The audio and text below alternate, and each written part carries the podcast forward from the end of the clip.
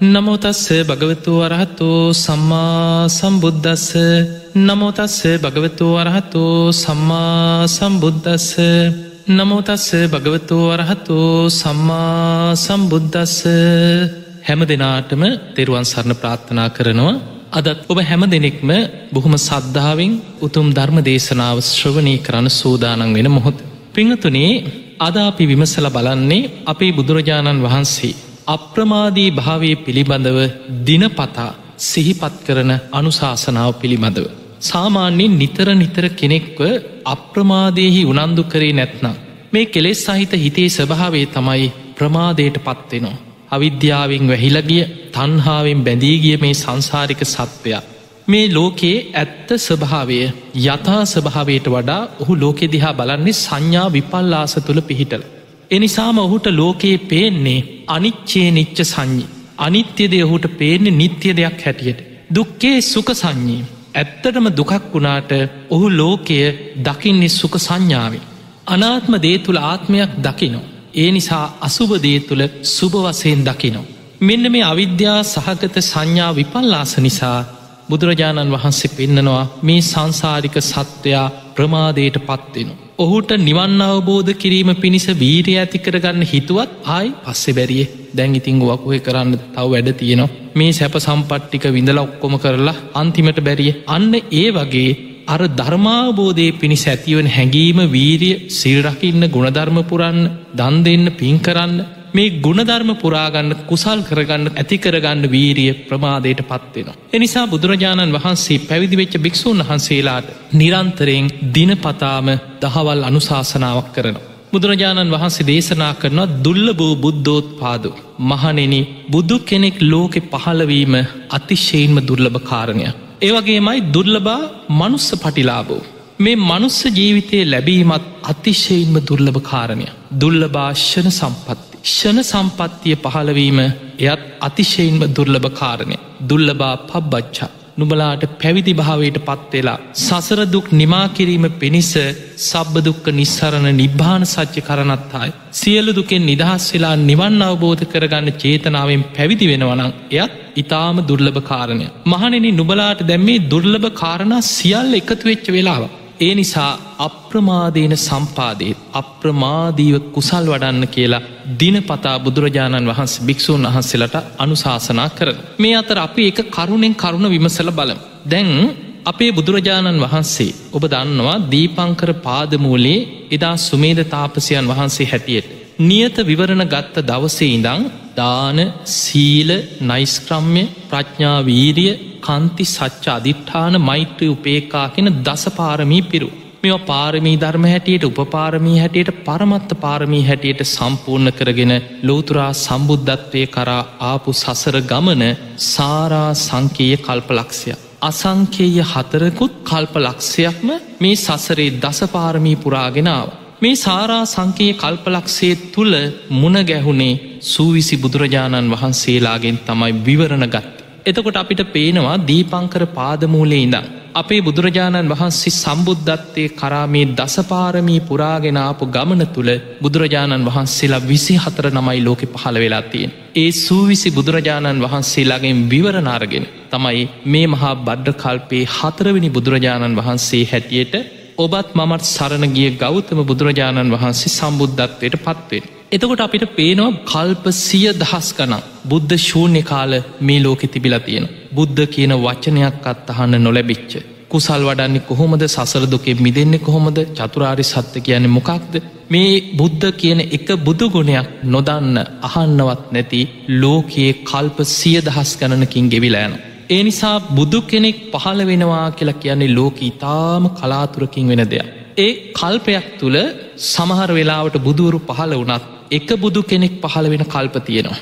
බුදුරජාණන් වහන්සේලා දෙනමක් පහළ වෙන කල්ප තියෙනවා. තුන් නමක් පහළ වෙන කල්ප තියෙන. හතර නමක් පහළ වෙනවා උපරිම පහළ වෙන්නේ පස් නමයි.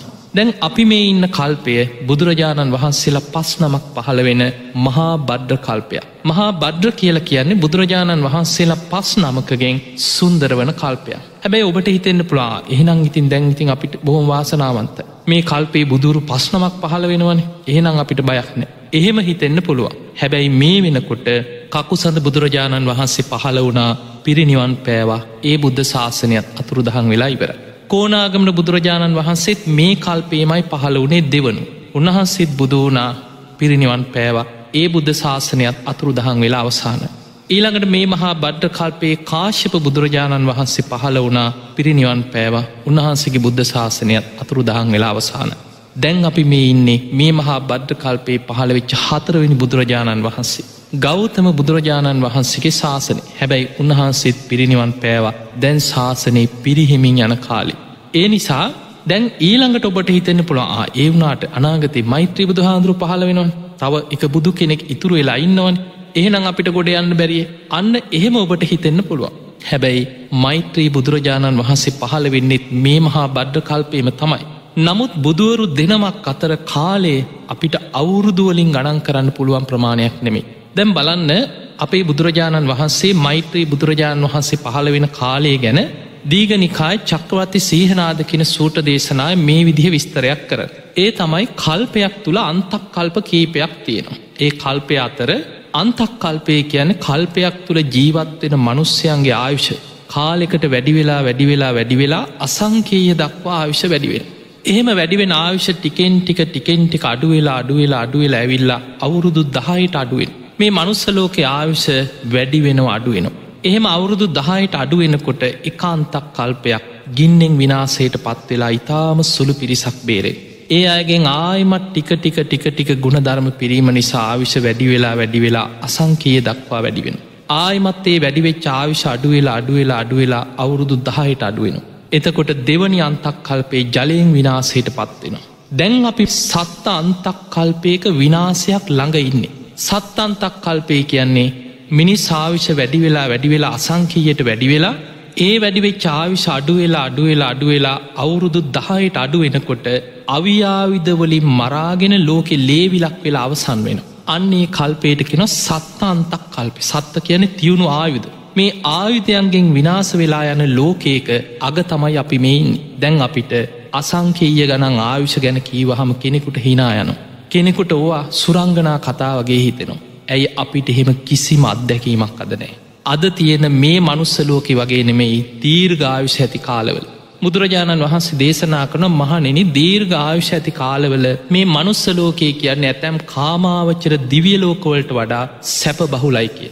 දෙව්ලව ඉන්න දේවතාවරු පවා මේ කාලෙ මනුස්සලෝක අපිට හොදයි කියලා මනුස්සලෝක හිත පිහිට ඕනවා මේ මනුස්සලෝකෙ තියෙන සැප සම්පත් දැකලා.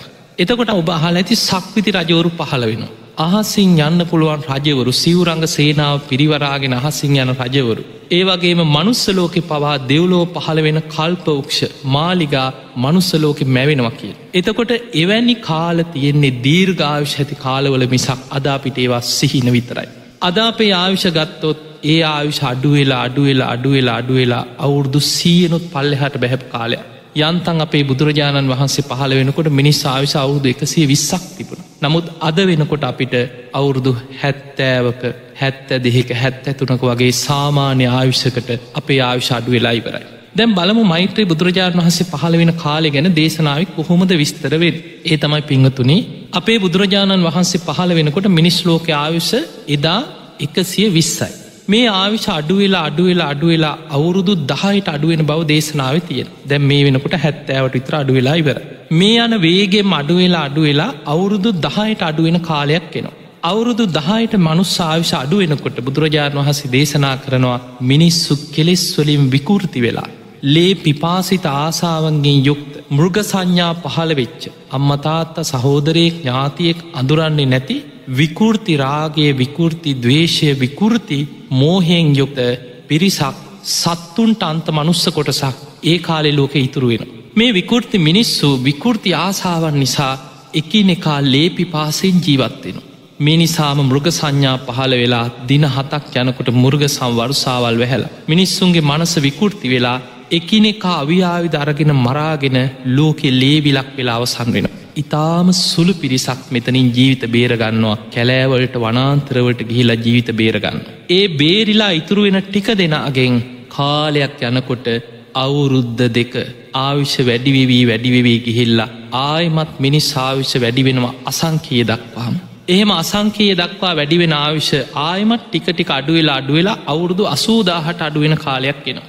අන්නේ කාලෙ තමයි කියනවා ලෝකයේ සංක කියල සක්විති රජ කෙනෙක් පහළ වෙලා ලෝකෙ ධාර්මිෂ්ටෝ පාලනය කරන කාලෙ ඒ වෙනකොට මෛත්‍රී බුදුරජාණන් වහන්සේ පහළ වෙන්නේ මිනිස්සාවි සවුරුදු අසූදාහක් වෙච්ච කාලෙ. එතකොට දැම් බලන්න අපේ බුදුරජාණන් වහන්සේ පහළ වෙනකොට මිනිස්සාවිස එකසිය විස්සයි. දැන් අඩුවෙලා අඩුවෙලා අවුරුදු දෙදස් පන්සිය ගානක් යනකොට මිනිස්සාවිස අවුරුදු හැත්තෑවට ඉතර අඩුවෙලා. මේ ආවිශ තවත් අඩුවෙලා අඩුවෙලා අවුරුදු දහයට අඩුවෙලා ලෝකෙ අවිආවිධවලින් මරාගෙන ලේවිලක් වෙලා ඉතුරු වෙන ටික දෙනාගෙන් ආවිශ වැඩිවෙලා වැඩිවෙලා අසංකේයටම වැඩිවෙලා ආයමත් අඩුවෙලා අසූදාහට අඩුවෙච්ච කාලෙක තමයිගෙන මෛත්‍රී බුදුහාන්දුර පහළවෙන්.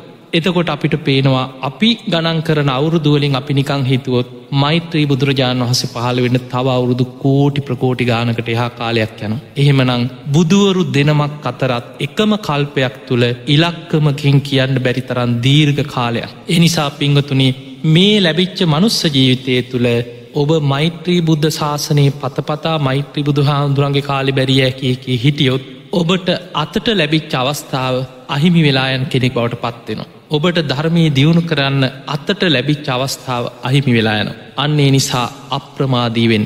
බුදුරජාණන් වහන්සේ දිනපතා භික්‍ෂූන් වහන්සේලාට දේශනා කරනවා අප්‍රමාදීන සම්පාධීත. මහනෙනි අප්‍රමාදීව කුසල් වඩන්. දුල්ලබෝ බුද්ධෝත් පාදෝ.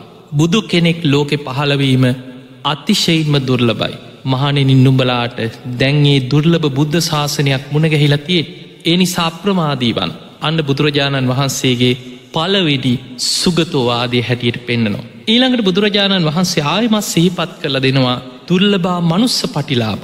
මනුස්ස ජීවිතයක් ලැබීමත් ලෝකෙ අතිශයෙන්ම දුර්ලබයි. හැබැයි ඔබට හිතෙන්න්න පුළුවන් ඒ වුනාට ඉතිං ඉන්නෙද කෝටි හත්සියක්කින්නවා කියන බැලූ බැලූ අත මිනිස්සු ලෝක ජනගහනය වැඩි වෙනවා එහෙම හිතල කෙනෙකුට හිතෙන්න්න පුළුවන් ඕකමොන බොරුව දොය ඉන්නේ දවසින් දවස කොච්චර ලෝක ජනගහනය වැඩි වෙනවත්. අන්න එතකොට අපිට මේ මනුස්ස ජනගහනය ගැන මේ සත්‍යයන් ගැන අපි දකිින් ඕනෑ මේ ඉන්න සියලු සත්‍යයන් එක්ක සංසන්ධනය කරන්න පුළුවන් වෙන්න ඕන අපිට ඒ හැකියාවන අපි මේ මනුස්්‍යයන් විතරක් මේ අවුරුදු කීපයක් තුළ අඩුවෙනවා වැඩිවෙනවා අඩුවෙනවා වැඩිවෙනවා කීවට අපි අවුරුදු සිය දහස් ගානකට පෙරහිටපු ජනගහනය අපි දන්න. එතකොට ඉතිහාස තියෙන මහා පරාක්‍රම් භාව රජ්ජුරුවන්ගේ කාලි ලංකාවේ කෝටි පහක පමණ ජනතාවක් ජීවත් වනා කිය. අද ඉන්න කෝටි දෙකයි එතකොට ගත්තා. එතකොට අපිට පේනවා ලංකාවේ ඒ කාලි ඉතිහාස පොත්තල තියෙනවා. කොළමින් කුකුලෙක් වහලෙකට ගොඩ වුනාම වහලෙන් වහලට පැනගෙන පැනගෙන ගිහිල්ල තිස්ස මහරාමි පැත්තෙන්කෙන වහලෙන් පල්ලෙහට බහි.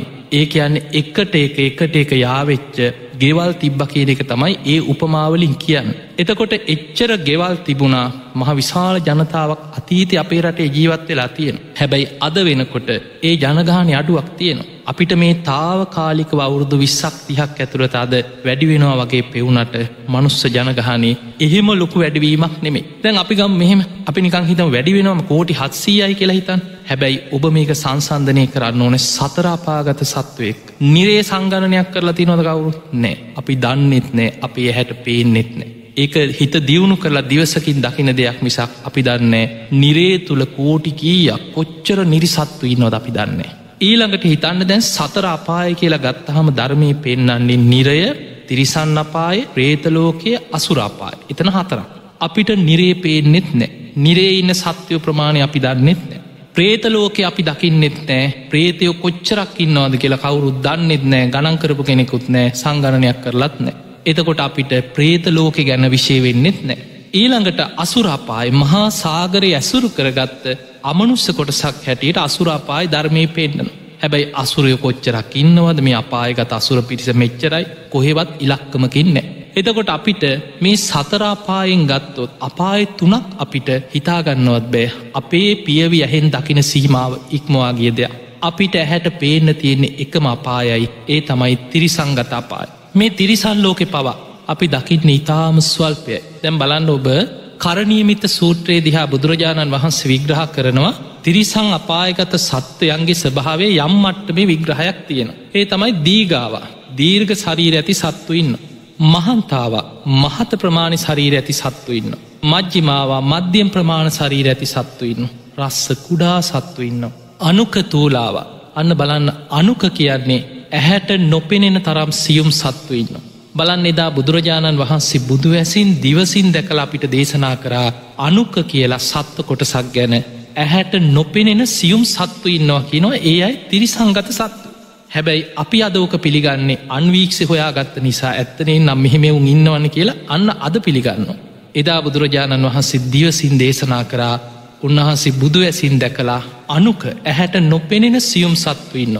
තූලාවා වටකුරු හැඩෙන් යුක්ත සත්තු ඉන්නවා. දිට්ඨාවා ඒ වද්දිට්ටා දැකල තියෙන සත්තු වගේම ජීවිතයට නොදැකපු සත්වවර්ග ඕන තරන් ඉන්න. එතකොට මේ සත්වයන් ගත්තහම දැන් හිතන්න ලෝකෙ ඉන්න සත්වයක් අපිට ගණන් කරගන්න බැලෝක පැත්තක තියම්. ඔබ හිතන්න ඔබේ ඉඩම ඉන්න සත්තු ටික ඔබට ගණන් කරන්න පුළුවන්ද? ඔබට පර්චස් විස්සක් හරි තියක් හරි දහයක් හරි ඉඩමක් ඇතිනි. ඔබ වැට ගහගෙන තාපයක් ගහගෙන වෙන් කරගත්ත ඉඩම ගංගොලට යනකොට ඉඩම ටිකක් ලොකු වෙන්න පුළුව හැබැයි ඔබ හිතන්න ඔබේ ඉඩම ඉන්න සත්තුටික ඔබට ගණන් කරන්න පුළුවන්ද හැටපේන කූමිකුලක් ගත්තත් කෝටි ප්‍රකෝටිකාන වේයගුලක් ගත්තොත් ගෙදර අඹගෙඩියක් වුණු වෙන්න තියල බලන්න කොච්චර පනුව ඉන්නවද කිය අපිට ගණන් කරගන්න බෑ. අඩුගානෙ දැන් ඉඩම නෙමෙයි වර්ග අඩියක් ගැන හිතන් මේ මහපොළොවේ වර්ග අඩියක ඉන්න සත්තුටික ඔබට ගණන් කරන්න පුළුවන් පොළොව හාරන් හාරන්න කොච්චරනන් සත්තු ඉන්නවද. එහෙම නං අපිට පේනවා මේ මහා පෘතුවයේ වර්ග අඩියකවත් ඉන්න සත්තුටික අපිට ගණන් කරගන්න බැරුව. අපි කොහොමද මේ තිරිසංගත මේ සතරාපායගත සත්වයන් ගැන මැනගන්න. අපි බලන්නට ඕන අපායගත සත්‍යයන් එක්ක ගන්නකොට බුදුරජාණන් වහන්සේ පෙන්න්නනවා මහනෙන මනුස්ස ජීවිතයක් ලබන්න ඉතාම ස්වල්පය. නිය සිලට ගත්ත පස් වගේ ටිකයිකි. සතරාපායෙන් අපිට පේනෙත් තිරිසං අපාය විතරයි. එතකොට හිතන්න නිරේ කොච්චරනන් නිරිසත්වඇද. ප්‍රේතලෝකවල කොච්චර ප්‍රේතවඇත් දමනුස්සියෝ. අසුරපායතාව කොච්චර ඇත්ද. තිරිසංගත ලෝකෙ ගත්තහම වර්ගඩියකවත් තිරිසං සත්තු ටික ගණන් කරගන්න බෑ. එනිසයි බුදුරජාණන් වහන්සේ පෙන්න්නන්නේ මහනෙන මේ සතරාපාය ගත් අනන්ත අප්‍රමාණ සත්වයන් අතරි. මනුස්ස ජීවිතයක් ලබන්නේ නිය සිලට ගත්ත පස් වගේ ඉතාම ස්වල්පයයි. මනුස්ස ලෝක ඉන්න අපිට කෝටිගානෙන් හරි කියන්න පුළුවන් ප්‍රමාණයක් කෝටි හත්සීයක් කියන. ඒ අපිට බින්දු ගානෙන් හරි ඉලක්කමෙන් හරි කියන්න පුළුවන් හැබැයි අපායගත සත්වයෝ අපිට එහෙම මොත්තා ගන්න බෑ. ඒ නිසා බුදුරජාණන් වහන්සේ දේශනා කරනවා මහනෙන දුල්ලබෝ මනුස්ස පටිලාබ. මනුස්ස ජීවිතයක් ලැබීම ලෝකෙ අතිශයෙන්ම දුල්ලභ කාරණය. නුබලාට ඒ දුර්ලභ මනුස්ස ජීවිතය දැන් ලැබිලතියෙන්. අන්න දුර්ලභ බුද්ධ ශාසනය මුණ ගැහුණා දුර්ලභ මනුස්ස ජීවිතය ලැබුණ. ඊළඟට බුදුරජාණන් වහන්සේ දේශනා කරනවා දුල්ල භාෂණ සම්පත්ති. මහනෙනින් නුඹලාට ඒ විතරක් නෙමේ දුර්ලභ වූ ෂණ සම්පත්තියක් ලැබිලතිීන්. ෂණ සම්පත්තිය කියලා කියන මනුස්ස ජීවිතයකට බුද්ධ ශාසනයේ මුණගැහිලා. අන්‍යයාට ධර්මය අහලා හිතට ඇතිවෙනවා හැඟීමක් මම කොහොමහරි ධර්මාවබෝධයට මහන්සිගන්න ඕන. මමත් තෙරුවන් සරණයන්න ඕන මමත් සිල් රකින්න ඕන.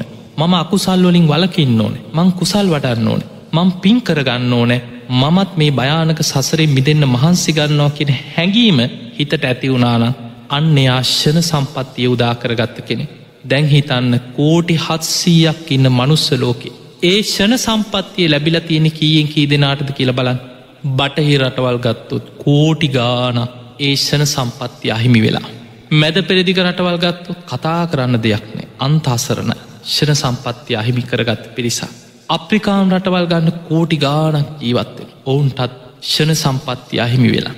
ලෝකෙ බොහෝ බෞද්ධ නාමෙන් තිබුණත් සමහර රටවල් මේ බුදුරජාණන් වහන්සේගේ පිරිසිදු තේරවාදී ධර්මය නිවන් දකින වැඩ පිළිවල තුළ නෙමෙයි ඔවුන් එන්නේ. එතකොට ඔවුන්ටත් බොහෝ පිරිසකට ඒෂණ සම්පත්ති අහිමි වෙනවා. බෞද්ධයෙක් හැටියට ගත්තහම ඔබ හිතන්න දැම් මේ කෝටි හත්සීයෙන් පිරිසිදුව බුද්ධ වචනය සූට දේශන ඇතුරෙන් ත්‍රිපිටකය ඇසුරෙන් මේ නිවන් මග ගැන කතා කරන්නේ ලෝකෙ රටවල් කීපයක. ඒ අතර ලංකාව ප්‍රධානයි. ළඟට තායිලන්තයේ බුරුමේ ඒවගේ මේ රටවල්වලින් ගිය ධර්ම ප්‍රචාරක ස්වාමීන් වහන්සේලා ලෝක යම් යම් රටවල්ව තමන්ගේ මධ්‍යස්ථාන පිහිටවාගෙන මේ තේරවාදී පිරිසිදු ධර්මය ලෝක ව්‍යාප්ත කරන්න උත්සාහයක් ගන්න. එතකොට අපිට පේනවා ලෝකෙ කෝටි හත්සීයක් හිටිය තාම සුළු පිරිසකටයි ෂණ සම්පත්තිය ලැබිලතිය. තැන් ඔබ බලන්න ලංකාවම කෝටි දෙකක් කෝටි හත්සීයෙන් ඉන්නෙම ලෝකෙ කෝටි දෙකයි ලංකාවේ. මේ කෝටි දෙකෙන් ගත්තත් අන්‍ය ආගමිකයන් අන්‍ය ජාතිකයන් නොයෙක් දෘෂ්ටි මතධාරී මේ ඔක්කෝම අයින් කරලා ගත්තහම ඉතාම සුළු පිරිසයි ඉන්නේ අඩ්ඩුගාන නමට බෞද්ධ වෙච්ච ඉන්න ටික දෙනයි. ඒ අයගෙනොත් පන්සිල් රකින තෙරුවන් සරණ ගිය ධර්මය අවබෝධ කරන්න ඕනෑකින හැඟීමක් හරි තියෙන.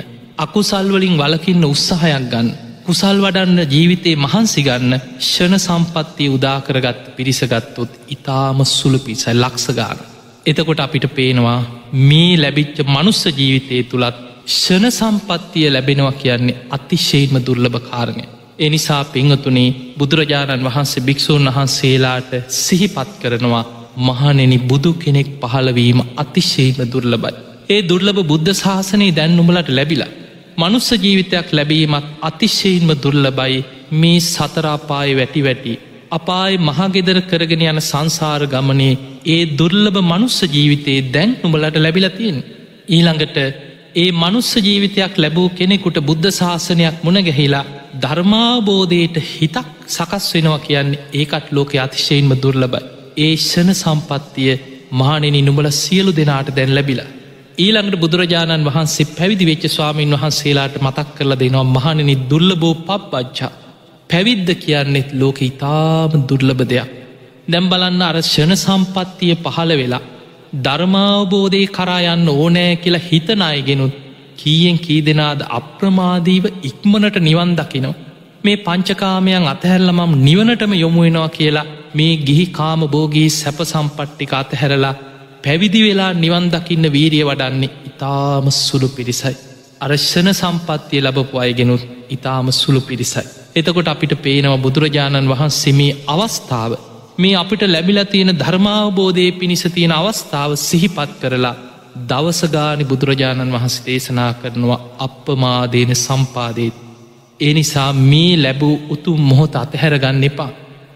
අප්‍රමාදීව කුසල් වඩන් අප්‍රමාදීව සිල්රකින් අප්‍රමාදීව පින් කරගන්න අප්‍රමාදීව නිවන් මගේ ගමන් කරන්න මේ ජීවිතේ තුළ ධර්මාවබෝධය ලබාගන්න මහන්සිගන්න කියලා බුදුරජාණන් වහන්සේ අපිට සිහිපත් කරනවා. එනිසා පිංහතුනී මේ ලැබිච්ච මනුස්ස ජීවිතය තුළ අප්‍රමාදය ගැන ධර්මාවබෝධය ගැන ඔබලොකු උත්සාහයක් ගන්නට ඕන.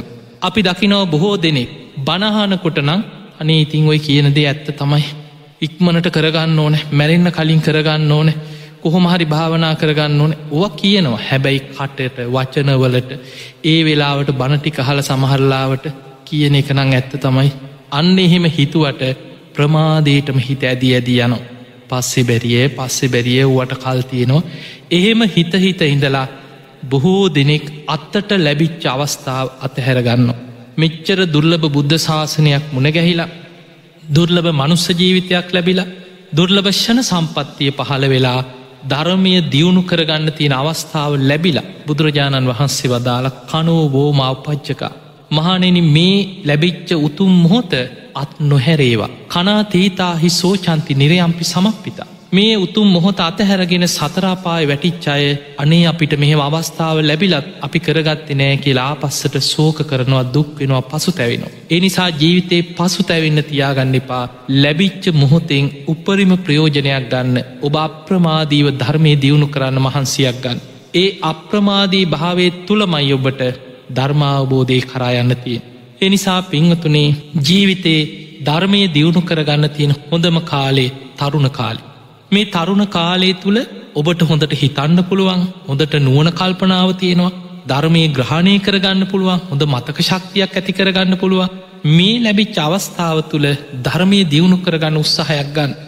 ඊළඟට මැදිවයිසට එනකොට වගකී මැඩි වෙන. ගෙවල් දොරවල් හදන්න විවාහ වෙලා දරුමල්ල හදන්න ඔවුන් පෝෂණය කරන්න එතකොට වගකීම් ටිකක් වැඩි හැබැයි ඒ වෙනකොට ජීවිතේ ටික ටික දුක තේරෙන්න පටන්ගන්න ප්‍රශ්න කරදර බාධායනවා. ඒවට හොඳට මූුණ දෙන්න නම් තරුණ කාලි ධර්මය දියුණු කරගත්ත කෙනෙක් අන්න අටලෝ දහමින් එන ප්‍රශ්නවලට අකම්පිතව මූුණ දෙන්න පුළුවන් හැකියාවක් හැදෙන. පුට්ටස්ස ලෝක දම්මෙහි මේ ලෝක ධර්මතාව ඉදිරී ලාභ වගේමයි අලාබත් ලැබෙත්. සැප වගේමයි දුකත් ලැබෙත් ප්‍රසංසා වගේමයි නින්දා බැනුම් අහන්න සිද්ධ වෙන බොරු චෝදන අපහස ඒවටත් සිද්ධ වෙන. යසායස පිරිවර වගේමයි කාත් කවුරුන් නැතු අසරණ වෙන්න තනි වෙන්නත් පුළුව. එතකොට ජීවිතේ මේ එන සියලු ප්‍රශ්න ඉදිරියේ චිත්තං යස්සන කම්පති තමන්ගේ හිත කම්පාවට පත් නොකර අසෝකක් විරජංකේම. විරාජමානව නොසැලී ඉන්න නං අන්න ඒ තම් මංගල මුත්තමං එක මංගල කාරණය. ඒ වෙනුවෙන් ඔබ ජීවිතයේ ධර්මී ශක්තිමත් කරගන්නට ඕන. අන්න තරුණ කාලෙ ධර්මය දියුණු කරගත්ත කෙනෙකුට. බණහල දහම් දැනුම ඇති කරගෙන ධර්මී මෙනෙහි කරලා ධර්මයෙන් ගොඩනගාගත්ත කෙනෙකුට මැදිවයසේ ජීවිතය ඇතිවන ප්‍රශ්න ගැටලු මේ සියල්ල ඉදිරියේ එකා පරයා එකා යන්න උත්සාහ කරනකොට ඇතිවන කැපිලි කෙටිලි නින්දා පහස චෝදනා බොරු චෝදනා අපහස මේ හැම දෙයක් ඉදිරියේම අකම්පිතව ජීවිතයට මුණ දෙන්න පුළුවන් ආධ්‍යාත්මික ශක්තියක් ඔබ තුළින් ගොඩනගාගන්න පුළුව. එහෙම ධර්මය දියුණු කරගත්ත කෙනාට වයිසට යන්න යන්න සඳුන් අරටුවක් මෝරන්න මෝරන්න සූද හමනෝ වගේ තරුණ කාලීදන් සිල් රැකපු කෙනා. මැදිවයිසිදං ගුණධර්ම පුරාගත්ත කෙනාට වයිසට යනකොට තමන්ගේ ජීවිතයේ කාලයක් තිස්සේ වඩපු ගුණධර්ම සිහිකර කර සතුටු වෙන්න පුළුව. සමාරු අපිට කියන හාමුදුන්නේ මං පුංචි කාලීදන් සිල් ගත්තා. තැන් අවුරුදු හැත්තෑවක් වෙනවා. මං මෙච්චර කාලයක් දන්දීලා තින මෙච්චර මන් සිල්ගුණ දහම් රැක්ක. මේ විදිහට මං පින්කං කරගත්තා. මං හැම පෝයටම උපෝසතේ රැක්ක කලාතුරකින් තයි මට සිල්ගන්න බැරි වුණාන්. ඒ වගේ ජීවිතය ආපස්සට හිතහිතා වයසට ගියාම අන්න තමන්ගේ ජීවිතයේ තුළ සම්පූර්ණ කෙනෙ. මගේ ජීවිතේ මං යමක් මේ බුද්ධ ශාසනයෙන් කරගත්තා කියලා ආපස්සට බලබලා සතුටි අන්තිම කාලි ගත කරන්න පුළුව. එයාට ධර්මය මෙනෙහි වෙන. එයාට ලෙඩක් හැදුනත් එක්තැන් වනත් ඔත්පල වනත් තරුණ කාලෙ මැදිවයසි ධර්මය දියුණු කරගත්ත කෙනාට ඒ ධර්මය හිතට බලවත් කරගන්න ඒ ධර්මය සිහිකරගන්න ධර්මය හිතට නංව ගන්න පහසුයි. ඒ නිසා වයසට යනකං හිටියොත් බොහෝ දෙනෙකුට මේ දේ කරගන්න බැරිවෙන්. පිංහතුනේ කොයි තරං වයසට ගිය. හිත දියුණු කරගත්ත කෙනා බඩභාවනා කරගත්ත කෙනා ඒ නුවන ඔහුට පිරිහෙන්නේ නෑ. එයා සිහිය ඉන්ද්‍රියක් හැටියට වඩලන සමහරයි ඉන්නවා සිහිය ඉන්ද්‍රියක් හැටියට හොඳට සතර සතිපට්ඨානය තුළින් භාවනාවසයෙන් වඩාගත්තයි. එවැනි කෙනෙකුට හොඳ සිහිනුවනින් ධර්මී මෙනෙහි කරගෙන කොච්චර කයිදුරුවල වනත් සිහිය රැකගන්න පුළුවන්කම තියෙන. සිහිමුලාවෙන්න පුළුවන් ක්‍රම කීපයක් තියෙන. එකක් තමයි භාවනා කරපු කෙනෙක් පවා සිහිමුලාවෙන්න පුළුවන් ඇක්සිඩන්ට එකක් වෙලා. මොලේට හානියක් වෙලා ස්නායි දුරුවලතාවයක් නිසා. සමහර රෝග තත්ව තියන දැන්ව කෝමාවගේ රෝගතත්ව. පාකින්සන් වගේ රෝගතත්ව තින මොල ස්නායි මැරෙන. මේක ලෙඩක් එක කායික රෝගයක්. එවැනි රෝග තත්ව නිසා කල්පනා ශක්තිය නැති වෙලා එහෙම කල්පනාව නැතුව මනස දුරුවල වෙන්න පුළුවන් හැබැයි ඒ හේතුවෙන් ඔහු අපා යන්න එක කායික රෝගයක්. නමුත් කෙනෙක් ධර්මය දියුණු නොකිරීම නිසා අකුසල් නිසා දුස්සීලකන් නිසා අකුසල විපාකයක් හැටියට සිහිමුලාවේ. සීල විපත්ති පහක් බුදුරජාණන් වහන්සේ පෙන්නනවා එයින් හතරවෙනි එක තමයි දුස්සීල කෙනා මරණාසන්න වෙනකොට අකුස්සල විපාකයක් නිසා සිහිමුලාවෙන්. ඔබ දැකල ඇති සමහරු වයසට යනකොට එන්න එන්න කල්පනාව නැති වෙනවා. ඒ අඩුවීම තුළ ඔහුම් කියවන්න පටන්ගන්නෙම අකුසල්මයි. මං ඒ කාලෙ මේ වගේ පව්කං කරා මං ඉස්සර මේ වගේ අපරාධ කරා අයෝ මට මේ මතක් කියෙන මං මේ වගේ පව් කරගත්තා. මං මේ මේ වගේ අපරාධ කරා කියලා අරකරපු පව්කන් නොපනත්කන් දුස්සීලකං චිත්‍ර පටිපේනවා වගේ හිතට ගලාගෙනෙනවා. ඒවා සිහිකර කර සිහිකර කර බයෙන් තැති ගැනීමෙන් අකුසලේ එල්ලෙන අකුසලේ අතහැර ගණ්ඩ පෑ. එහෙම අකුසල් බලවත් කරන්න බලවත් කරන්න වෙන්නේ සිහිකල්පනාව තවත් දුරුවලවෙන්. දුරුවලවීම තුළ එහෙම සිහිය දුරුවල වෙලා අකුසල් බලවත් වෙලා කෙනෙක් මැරුණොත් අසම්මූල් හෝ කාලං කරෝති නිරයන් කියන. බුදුරජාණන් වහන්ස පෙන්න්නනවා එයා අපායකින් එහෙකට සතරාපායකට තමයි වැටෙන්. එනිසා පිංහතුනී මේ ලැබිච්ච මනුස්ස ජීවිතය තුළ ධර්මයක් දියුණු කරගන්න උත්සාහයක් ගන්න. අන්නේ තුළ අපිට ධර්මය බලවත් කරගන්න පුළුවන්කම තියෙන්. පිංහතුනි ජීවිතයේ ධර්මය දියුණු කරගන්න අප්‍රමාදී වෙන්න පස්සෙ බැරිය අපිට තව කල්තියනවා වයිසට ගිහිල්ල බැරිය ඕව මේ තරුණ කාලි කරන දේවල්නෙමේ ඒ වගේ සිතුවිලිවලින් ඔබ සම්පූර්ණයම ඔබේ ජීවිතය විනාස කරගන්න. ඒ නිසා අපට මේ ලැබිච්ච උතුම් අවස්ථාව අත්හැරගන්න නැතුව. අපිට මේ ජීවිතය තුළ ධර්මය පුරුදු කරන්න නම් ඔබ අප්‍රමාදී වෙන්නට ඕන්. අප්‍රමාදී භාවය පිණිස බුදුරජාණන් වහන්සේ භාවනාවක් අපිට පෙන්නවා. ඒ භාවනාව තමයි මරණය සිහිකිරීම. මරණ සතිය. මේ මරණය ගැන සමහරු සිහි කරනවතියා යන් කහිතන්න ගෙදර කිවොත් එහෙම. පේමම් මැරිලා ඇයිද දන්න කියලා නිකමට කියන්න කාටරියයෙන් හෝහු කටකැරිච්ච කතා කියනවා කියලා බැනුම් හන්නත් යොබට. එතකොට සමහරු මැරෙනවා කියලා ගෙදර කියන්නත් බයයි. ඊළඟට සමහර ගෙදර මැරෙනවා කියලා කිව්වොත් බනිනවා මේ කටකැරිච්ච කතා කියනවා. කො සමල්ලට කාර්ල කෙළ ගහයි. මේක මහා අසුභ දෙයක්. මේක මැරෙනවා කියන එක බොහොම භයානක දෙයක්. එක ගෙදර කතා නොකළ යුතු දෙයක් හැටියට ඒක අමතක කරන්න උත්සාහ කරනවා හැබැයි බුදුරජාණන් වහන්සේ පෙන්න්නන්නේ මහනෙන මරණී ගැන සිහිකිරීම තරං ධර්මාවබෝධය පිණි සප්‍රමාදී වන වෙනත් භාවනාවක් බුදු ඇසිංවත් දකින්නෑ කියෙන්. ඇයි දැම්මම් මැරුණොත් ඔහේ අයිද. එහෙම හිතන කෙනා තමයි අප්‍රමාදීව සිල් රකින්නේ. අප්‍රමාදිව පින් කරන්න. අප්‍රමාදීව කුසල් වඩාගන්නේ අකුසලෙෙන් වැලකිලා මැරෙන්න්න පෙරමං යමක් කරගන්නවා කියලා වීරිය වඩන්නේ මරණය ගැන හිතන කෙනා. මරණය ගැන හිතපු නැති කෙනා මැරෙන්න්න වැටෙනකන් දන්න. දැ මේ මරණය ගැන හිතීමම සමාරු මේ හිතන ක්‍රමේ ගැන හිතන්නේ අර පිට දකින වචනය ගැන හිතලා. මරණය මේක නෙගෙටව් කියනවා. මරණය ගැන හිතුවහම ඒක නිකන් රිනාත්මකයි. දැන්ගේ මරණය ගැන හිතලා මැරෙනවා මැරෙනවා කියලා හෙනගැහෝගේ බලාගත් අත බලාගෙන ඉන්න එකක් නෙමේ. මරණය ගැන හිතලා එයා අප්‍රමාදී වෙන්න ඕනේ මන් දැම්මැරුණොත් කොහේ අයිද. අන්න එතකොට යාට තේරෙනවා මං තාම ගුණ ධර්මයක් වඩාගෙන්නේ මංහරියට පින්ටිකක් කරගෙන්නේ මං මේ ප්‍රමාදවීන්න මං කොච්චර අකුසල් කරනවද. මං මෙහෙම මැරිලා අපායි වැටනොත් කෞදමාව බේරගන්න. අන්න එහෙම හිතන කෙනා තමයි ඉක්මනට ඉක්මට සිල් රකින්න මහන්සිගන්. ඉක්මට ඉක්මට ගුණධර්ම පුරාගන්න මහන්සිගන්. අනුන් වෙනුවෙන් මෙච්චරකල් ජීවිතයේ දුක්වින්දා දැම් මං වෙනුවෙන් යමක් කරගන්න ඕන මං මැරුණුත් කොහේ අයිද කියලා අන්න එයා තමයි පින් කරන්න වීරිය වඩන්න කුසල් වඩන්න මහන්සිකන්. එනිසා පිංහතුනි මේ ලැබිච්ච මනුස්ස ජීවිතය තුළ මරණය ගැන සිහිකර කර අප්‍රමාදී වෙන්න කියන. බුදුරජාණන් වහන්සේ කොච්චර නම් මරණ සතිය භික්‍ෂූන් වහන්සේලාට දේශනා කරාධ යන උන්වහන්සේ වදාළ මහනෙන ඉහලට ගත්ත හුස්ම පොද පාලට හෙලන්න පෙර හුස්ම හිර වෙලා මැරෙන්න්න පුළුව. කටට ගත්ත බත් පිඩ ගිලගන්න පෙර ඒටික උගුර හිර වෙලා මැරෙන්න්න පුළුව. ඒ නිසා තමන්ගේ පය පැකිරිලා ඇදගෙන වැටෙන්න්න පුළුව දැම් බලන්න මැරෙනකොට අඩුගාන අද මැරෙන්න්න හේතුවක් තියනවද කියල බල ඔබ හිතන්න දැන්ස් ලෙඩරෝග හැදිලත් මිනිස්සු මැරෙන.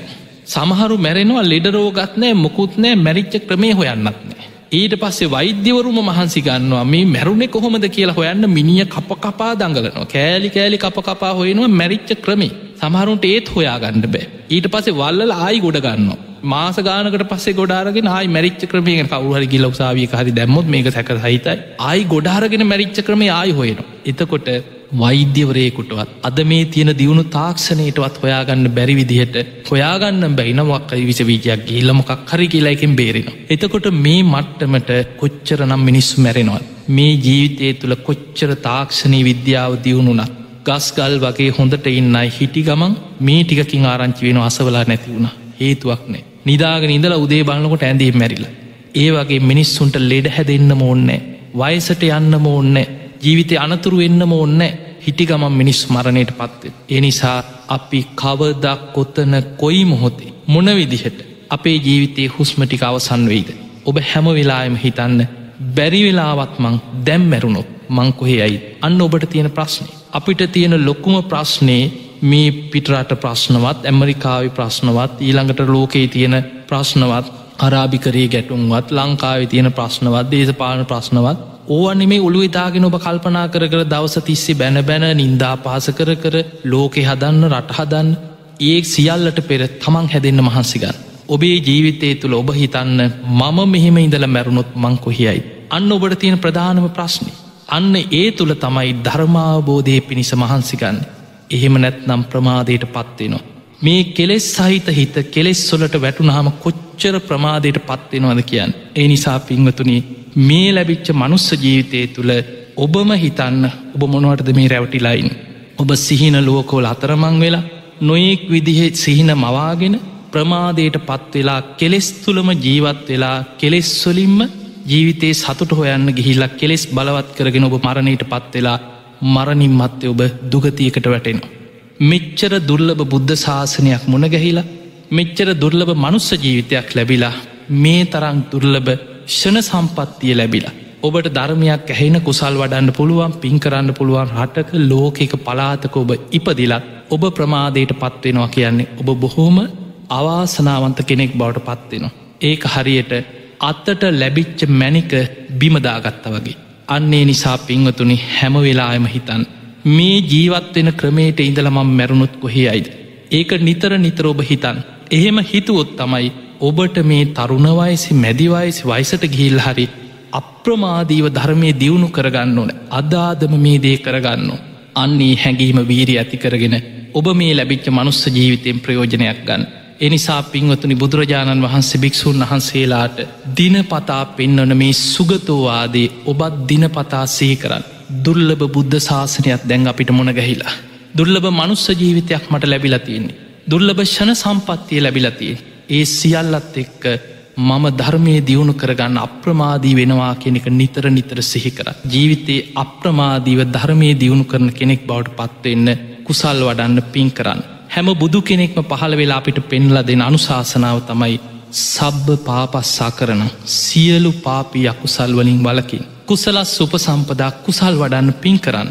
සචිත්ත පරියෝදපනං තමන්ගේ හිත දමනය කරගන්න ඒ තම් බුද්ධානු ශාසන. මෙන්න මේකයි බුදුරජාණන් වහන්සේලාගේ අනුශාසනාව. ඒ උතුම් බුද්ධානු ශාසනාව තුළ පිහිටල ඔබ හැම දෙනාටම මේ ලැබිච්ච මනුස්ස ජීවිතයේ තුළ සද්ධාදී ගුණ ධර්ම දියුණු කරගෙන උතුම් වූ ධර්මීම දියුණු කරගන්න වාසනාව ලැබේවා ලැබේවා ලැබේවා කියලපි ඔබට ආශිර්වාද ප්‍රාර්ථනා කරන.